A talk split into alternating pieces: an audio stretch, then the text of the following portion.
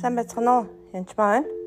Аа тэгэхээр өнөөдөр та бүхэндээ хоёр аа луг номоос уншиж өгнө.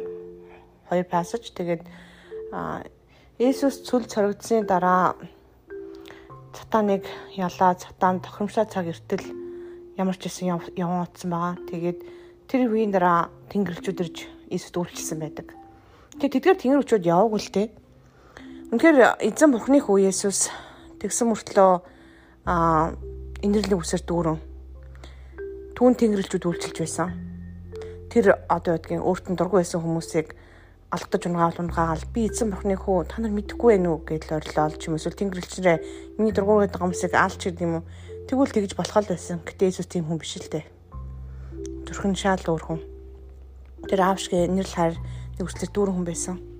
Тэр энэ дараах хоёр пац дээр эдгээр сайн харагдана. Өнөөдөр надад бидэрт өгсөн үг бол Луг 7-гийн 18-аас 23, Луг 9-ийн 22-оос уншиж эхлэхээр.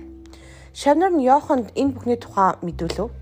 Йохан шавнараас хоёрыг дуудаж та ирэх ёстой нэг нь мөн үү? Эсвэл бид өөр нэгнийг хүлээх үү гэж суулгаж асуулахаар эзэн рүү илгээ. Тэгэхээр Йохан ч Иесусийн хамаатан биш гэж юу? Йохан ч иш үзүүлэгч Иесусийн өмнө бүр замыг бэлдэж байсан хүн шүү дээ. Түүнийг баптизм хийж, түүнийг Тэнгэрээс заа цууж миний хүү гэж байгааг бол харсан хүн. Гэтэл яаж чаад Иесусыг та чинь мөн үү биш үү гэд эргэлзээд шавнараа явуулж идэг үлээ. Тэд Есүс төр ирээд баптизм руу хүртээгч Иохан биднийг тань руу илгээж та ёстой нэг мөн үү эсвэл бид өөр нэгнийг хүлээх үү гэж асуулгаж байна гэжээ. Тэгэд Есүс урдаас нь тэгж хэлээгүй. Иохан чи чи яачаа вэ гэж ирзээс загнаагүй. Харин түүнд иш үзүүлэхийн үгээр хариулуулж байгаа юм. Яг тэр үед Иесус олон хүмүүсийг өвчин эмгэгээс нь ангижруулж бузар сүнсийг нь зайлуулж байлаа. Сохорсон олон хүнд тэр хараа оруулжээ. Тэр тэдэнд та нар явж Йоханд юу харж сонссноо хэл. Сохор нь хараа орж, доголд нь алхаж, умын цэвшиж, дүглийг сонсож, үхсэд нь амилж ядуу нэгэнд нь сайн мэдээ тунгалтлав. Надаас болж бүдрээгүй нэг нь ирүүлтөөе гэв. Тэгээд очиод гэрчлээд ирээ гэж явуулж байгаа. Энэ агуу Йохан хүртэл бүдэрсэн байгааз асууж лавлаж байна.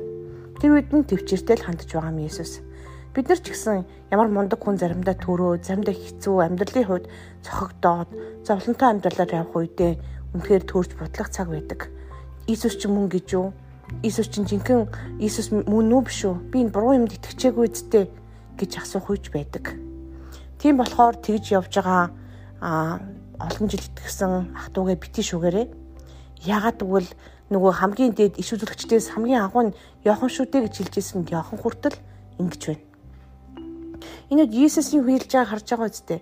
Сохорсон олон хүн тэр хараа оруулж мас ядуус сайн мэдэрж өвчнийг эмгээс ангижуулж бузар сүнсийг нь зайлуулж байлаа.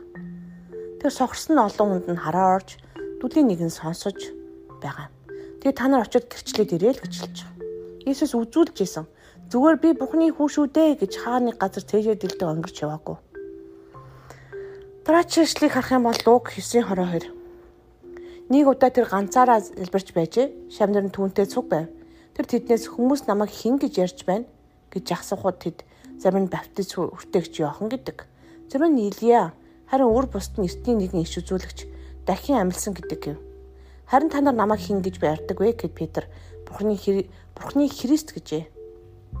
Харин Есүс тэдэнд энэ тухай хүнд чилж болохгүйг анхааруулаад хүний хүү олон зовлон эдэлж ахлагчд ахлах тахилж нар болон хуулийн багш нарт ад үзэгдэж алуулнаа.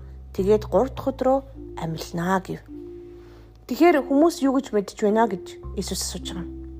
Иесус өөрийгөө ямар байсан мэдж байгаа. Иесус хүмүүс таалагдах гэж хүн таалал болох гэж энэ асуултыг асуугаагүй. Хүмүүс харин ямар хөө байна вэ? Ямар ч байсан гэд газар дээр хийх болсон олон ажил амжуулах хэрэгтэй ажлууд байсан хүмүүсийн ойлголтуудыг харж байгаа. Энэ ойлголтуудыг харах юм бол маш буруу ойлголтууд байгааг та нар харж байгааз Йохан гэж хэлсэн. Йоханыг мэдэрэж Йохан гэж хэлж байгаа. Дахин амилсан сүнс гэж хэлж байгаа. Эртний энийгийн иш үзүүлэгч дахин амилсан гэж хэлж байгаа. Тэгэхээр дахин амилтын талаар ер нь дахин өөр нэг сүнс ордоггүй талаар бурхан Библиэлд ерөөсөө байдаг Йохны хизээ Илегийн сүстэй гэж боловч Илегийн дуудлагатай Илегийн хүч чадалтай гэсэн утгаар илүү хэлдэг. Гэтэл хүмүүс дандаа төрөлдөж байгаа юм. Харин хажууд нь байсан хүмүүс л Петр л харин Бурхны Христ гэж хариулж байгаа. Хэдэн хажууд нь байсан хүмүүс түүнийг хингдгийг мэдж байсан. Тэр олон хүмүүс идэвхтэй чөлөөлт хийж тэр бүх юм болж байхад ч гэсэн энэ хүн Христ гэж хүмүүс мэдээгүй л байсан. Одоо ч гэсэн еврейд Израильд олон хүн тэр олон бичвэрийг уншсан мөртлөө Иесус дээр төрөлцөөр л байдаг. Эн чинь зүгээр л ингэ шизүүлэх чүдэл гэж хэлдэг.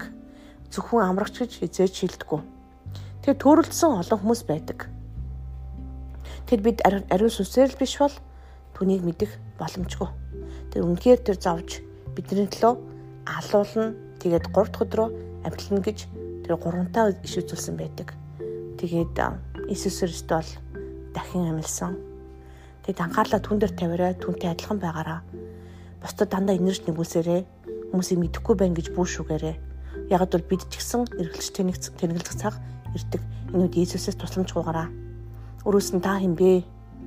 Та явуулсан нэг мөн үү? Танаас өөр ганц зам байхгүй гэж юу? Зөвхөн танаар дамжиж бурханд хүрэх юм уу гэж өрөөс нь бас лавлаж асууж болно шүү. Тэгээ тэр түн та үнэхээр та тэр танд ариун сүсийг дүүргэж өгөх болно. Тэгээ тас мэндүүлэх болно түүнээс ариун сүнсээр дүргэж өгөөч гэж бас гуйгаараа. Тэгээ таны зүрхний нэлмий гээгт нэлмийг нээгдэх болтугай. Тэгээ дотор хүнт нь хүчтэй байх болтугай.